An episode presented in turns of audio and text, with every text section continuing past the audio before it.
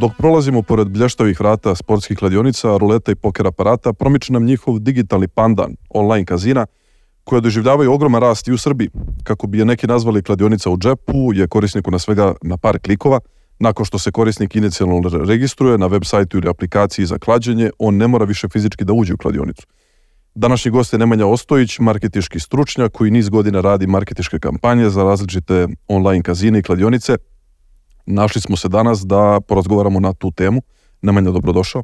Bolje vas našao. S obzirom na značajne budžete kojima kladionice raspolažu, a, koje sofisticirane marketiške strategije kladionice koriste? Pa sad diskutabilno šta je tu sofisticirano. Mislim da je marketing prilično, posebno digitalni marketing, e, manje više tu sad sve ustanovljeno šta je to što tražimo. Tražimo posete sajtu, tražimo registrovane korisnike i znamo koji su kanali kojima možemo da dođemo do tih stvari i to je ustanovljeno u svim živim industrijama, pa tako i u kazino industriji. Ono što se u kazino industriji gleda to su takozvani FTD, kad pričamo o online kazinu, odnosno first time deposit, dakle ljudi koji su se registrovali i ne samo registrovali, već i uložili određenu svotu novca, dakle dali taj prvi depozit kazinu. I sve što se radi u toj online kazinu industriji je nekako e, optimizovano, tako da mi postignemo što veći procenat, što veću količinu i sad razne tako neke e, metrike e, tih FTD-eva, odnosno odnosno korisnika koji su e, uložili novac da se klade. Sad on, šta se konkretno radi, pre svega tu su, dakle opet ako pričamo isključivo o online kazinima, uh, tu su pre svega um, SEO, odnosno Search Engine Optimization, odnosno optimizacija za, za pretraživače, gde mi imamo mreže naših sajtova koji pišu određene tekstove, koji su uglavnom recenzije kazina raznih i onda ti kazini dobijaju preko, dakle organski preko Google pretraga, dobijaju posete na svoje platforme, registrovane korisnike i tako dalje. Dakle, rekao bih da naročito u Evropi je taj SEO zapravo veliki, veliki deo um, čitavih marketičkih strategija um, mnogih, mnogih online kazina. Um, tu su društvene mreže, um, tu je YouTube, mislim sve, sve to i mi vidimo sve vreme oko sebe, sve to je jako prisutno. To je ceo jedan, to zovemo media mix, odnosno na koje sve kanale mi gađamo, na kojim sve kanalima mi gađamo naše korisnike, to je, to je prilično slično kao i svim ostalim industrijama uz neke subtilne razlike koje su definisane zakonom i, i tako dalje. Pomenuo si društvene mreže. Sad no, neki korisnici kažu da ih targetuju reklame kladionice, iako se nikad nisu kladili niti pretplatili ni na šta. Kako, šta, kako ti to objašnjavaš? Pa to je opet i u ostalim industrijama prisutno i, i relativno lako objašnjivo. Vi ne morate da se kladite, dovoljno je da ste posetili sajt, dakle vi ćete nekad posetiti sajt za patike i nikad ih nećete kupiti, nikad nećete se registrovati na tom sajtu i onda ćete bukvalno 15 sekundi nakon toga na Instagramu videti oglas možda čak baš za te patike koje ste videli. Dakle, na vrlo sličan način funkcionišu online kazini, vi posetite kazino, nešto vas tu zaintrigira, malo prelistate ponudu, isklikćete par nekih dugmića, ne kladite se i prosto po, putem kukiza i raznih nekih ono, tih piksela i sada da, da ne ulazimo baš u te tehničke detalje, e, ali prosto e, jedan sajt je privatno vlasništvo kompanije koja ga drži i vi ulaskom na taj sajt ste praktično ušli u nečiju radnju i zakonom je prosto definisano šta mi možemo da radimo tim informacijama.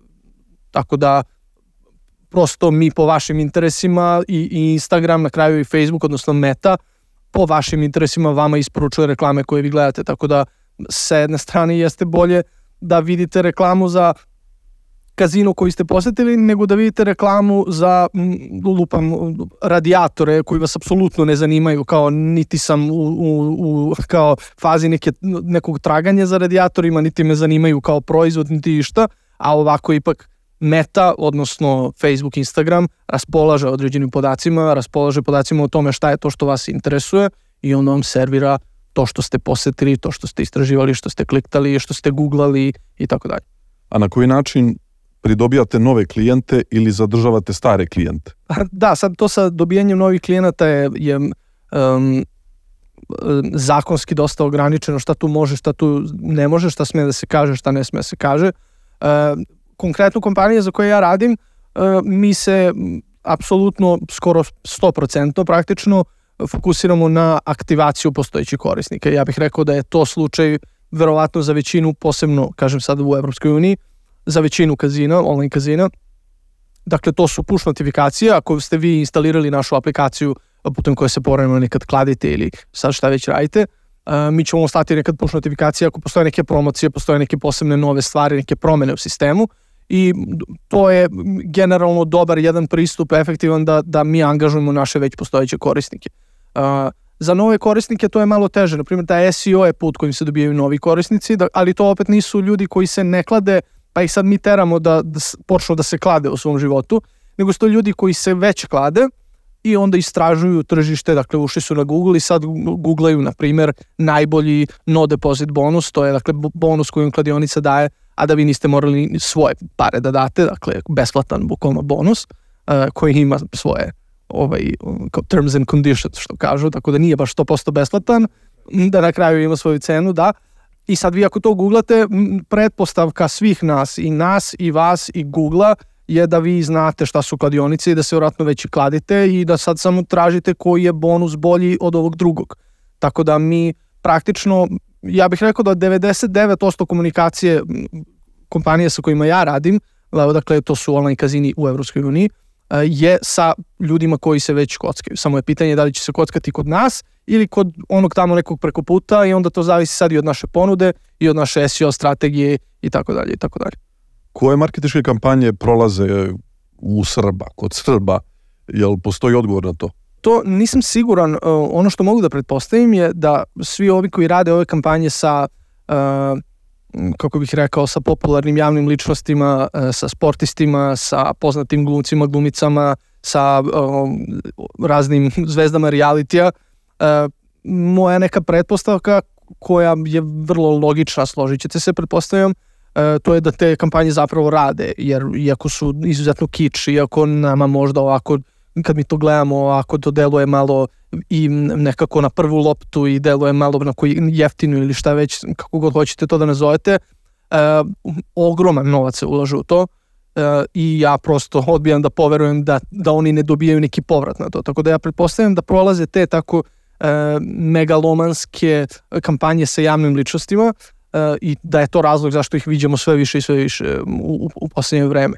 Ono što uvek radi i što sam siguran da radi na nivou Srbije jeste, jesu bonusi. Dakle, prosto ponude gde ti za određen novac možeš kod nas da dobiješ više i bolje nego što možeš da dobiješ kod ovih nekih drugih. Tako da pretpostavljam da je to, to što ne pretpostavljam, to, to znamo opet iz naših podataka da apsolutno kvalitet ponude utiče na, na sve živo.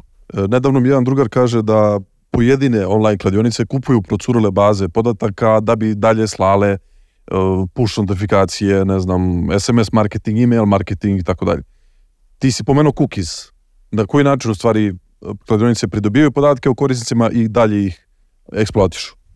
Pa da, ja sam čuo ranije nekad za, za takve neke, možda jednom sam čuo za takve neke priče o bazama podataka, o, o nekim ilegalnim radnjama sa te strane. Mislim da koliko god ljudi voleli da pljuju kazine i kladionice i da, da vide u tome neki mrak i neko ilegalno ponašanje, ja to razumem potpuno, i, ali prosto je ta sfera, posebno u nekim državama, prepostavljamo u Srbiji ne toliko i to možemo isto da pričamo, ali to je prosto toliko regulisano i toliko ograničeno nekim zakonima šta to može da se radi, a opet se sa legalne strane toliko tu novca vrti da, ja, da je meni tu taj potencijalni rizik E, daleko, daleko veći nego potencijalni benefit od toga što ja mogu da dobijem ako uzmem jednu ilegalnim putem dođem do neke baze podataka. Dakle, kazini imaju svoje baze podataka, to su registrovani korisnici, to su ljudi koji su pretplaćeni na newslettere, to su ljudi koji su uključili push notifikacije i tako dalje i tako dalje. To su ljudi koji su napravili nalog pa se nikad više nisu kladili. Dakle, na sve to vi ostavljate svoj mail i ostavljate neke svoje podatke koji često idu i dalje od maila. Ide broj telefona, ide kućna adresa nekad, mislim, to je sve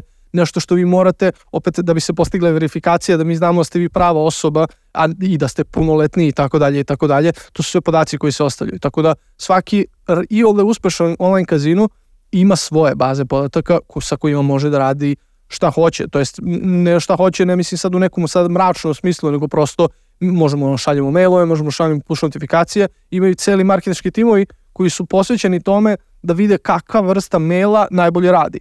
Dakle, vi ste sad, mi imamo 15.000 mailova koji su nama korisnici potpuno legalno ostavili i mi sad radimo AB testiranje da vidimo koji mail će vas dovesti na našu platformu, a koji neće. I onda kad tome usmeramo svoju komunikaciju. Tako da, legalnim putem se prosto marketinškom veštinom i, i analizom podataka može svašta nešto kreativno i efektivno da se radi bez potrebe da kršimo zakone Srbije, Evropske unije, Ustav i tako dalje i tako dalje.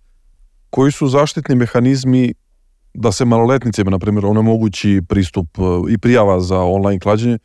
Kod online-a deluje mi da je zaštita možda i manja, meni ovako na prvu kao lajku, dok kod fizičke kladionice, ne znam, maloletnik će ući, radnik će mu reći ne, vi ste maloletni, izađite napolje, tražit ćemo ličnu kartu i tako dalje. Da li online klađe imamo te mehanizme odbrane, zaštite maloletnika? Apsolutno, apsolutno imamo. Da, sad je tu diskutabilno u stvari koji od ova dva pristupa je bolji. E, znači, ono što je pod jedan, postoje vrlo jasno definisani ako imate licencu i ona traje i nije vam oduzeta i nemate, niste platili neke silne kazne, to znači da vi imate na svom sajtu, na primjer, jasno definisan proces verifikacije. E, lične verifikacije korisnika, bez kojeg ne može on da povuče sredstva sa svog računa, ne može razne neke blokade sad on može tu da dobija zato što se nije verifiko. Verifikacija jako često uključuje, na primjer, ličnu kartu. Um, slikanu ličnu kartu. Ja se sad, na preko telefona registrujem na neki online kazino i prvi korak je mail, drugi korak je broj telefona, treći je adresa i slika lične karte prednje i zadnje strana. I to je nama dokaz da si ti jesi ili nisi punoletan, ako nisi nećeš se registrovati i to je gotovo. A, sa druge strane mi imamo, ako pričamo o ovim sad običnim kladionicama na ulici, mi se onda praktično oslanjamo na, e, na moral jednog radnika iza šaltera koji hoće ili neće primetiti da je neko maloletan i hoće ili neće njemu tražiti ličnu kartu. U online-u je to malo teže. S druge strane, ono što u online kazinu isto ima je plaćanje kreditnim karticama. Sad, koji maloletnik ima toliko otvoren pristup kreditnoj kartici svojih roditelja e, da može da se kladi tom kreditnom karticom i da roditelj vidi poruku na kojoj piše kao je upravo je prošla transakcija 100 evra na 1xbet.com e, i da taj roditelj ne postavi pitanje koja je ovo transakcija što se ovde dešava. Dakle, online kazino zapravo zahteva da imaš kreditnu karticu i da se verifikovao kao korisnik. I to je, nije čak ni podložno nečijem subjektivnom sudu, nego to postoje prosto mehanizmi koji su zaduženi za, za proveru tih podataka, tako da je jako teško zapravo kladiti se ako si maloletni pretpostavljam da postoji malverzacija i suda postoje malverzacije, ali za kršenje takvih stvari online kazino gubi licencu i plaća ogromnu kaznu, tako da nikome nije u benefitu i, i, i mislim da svaki kazino, svaki online kazino svim svojim zaposlenim u marketingu, u, u finansijama, u bilo kom sektoru svoje firme, uh, imaš nedelju dve treninga kako kako se kladiti legalno, kako izgleda licenciran kazino, kako izgleda pranje para, kako, šta radimo protiv klađenja maloletnika, šta radimo za odgovorno klađenje, ako sumnjamo da je neko zavistan i tako dalje i tako dalje. Mislim, u online kazino industriji to zapravo se prilično ozbiljno shvata. Pomenuo si pranje para, pomenuo si odgovorno, odgovorno klađenje. Ti radiš za kladionicu koja je po evropskim standardima. Na koji način naše kladionice mogu da se ugledaju na, na tu, tu tvoju? A, mislim da se na mnoge načine naši online kazini već ugledaju na nas. I opet samo da se vratim na tu poentu licence. Prosto licenciran kazino mora da ispoštuje određena pravila. I sad ako pričamo o odgovornom klađenju, uh, odgovorno klađenje tu podrazumevamo uh, limite uh, koje korisnik sam sebi postavlja ako sumnja da ima problem sa klađenjem. Uh, on se odriče određenog dela odgovornosti i daje odgovornost nama kao, kao pružavac usluge, kao kazinu, da mi njega na neki način limitiramo. U smislu, razne stvari mogu da se limitiraju. Može on da limitira E, ne dajte mi da se kladim više od 10 evra dnevno, na primjer, i mi mu prosto ako pređe 9,99 evra, on je završio za danas i ne može da stavi ni jednu novu opkladu kod nas na našem sajtu. Dakle, to je jedan način, to, to je ono što se zove odgovorno klađenje, e, gde mi praktično uzimamo u svoje ruke odgovornost za, za nečiju potencijalnu zavisnost. To je jedan način. Drugi način je da ograničimo njegove gubitke. Ne dajte mi da izgubim nikad više od 5 evra i kad izgubi 5 evra, mi isključujemo njegovu mogućnost da se kladi danas ili celo ove nedelje ili tako dalje. Postoji opcija deaktivacija profila, gde on kaže, e, ok, sad mi je dosta, vidim da imam problem, deaktivirajte mi ovaj profil mesec dana. i mi ga deaktiviramo na mesec dana i, i ne postoji način da ga on ponovo aktivira od tog trenutka kad je on to uradio. Uh, za pranje para važi isto, dakle kompa, svaki online kazino, svaki kršten online kazino ima ceo jedan departman u svojoj kompaniji koji je posvećen kao, to je taj AML, odnosno Anti-Money Laundering, gde je posvećen borbi protiv pranja para koja jeste prisutna online kazino industrije jer je teško ući u tragove novca i, i to se zloupotrebljava na kriminalne načine, ali svaki online kazino se bori protiv toga i vi ćete sigurno naći na svakih, ne znam, godinu, dve, tri ćete naći neke malverizacije tu gde je neki in, neka individua negde dobila neke masne pare, ali taj nikad više neće raditi u kazinu industriji i vjerojatno će ići u zatvor. Što se dešavalo i plaćali masne kazne i davali neke silne pare i tako dalje i tako dalje i to je ozbiljno udarac na reputaciju kazina. Tako da opet se vraćamo na to, nikome nije u cilju da se, da se peru pare preko online kazina, nego se svi i mi i kao e, i, i naši igrači, pošteni igrači, svi su protiv toga. Hvala Nemanja na vremenu i na insajderskom znanju koje si podelio s nama. Slušajte Birn priča i u narednim epizodama gde ćemo nastaviti da istražujemo i razmatramo aktuelne teme. Birn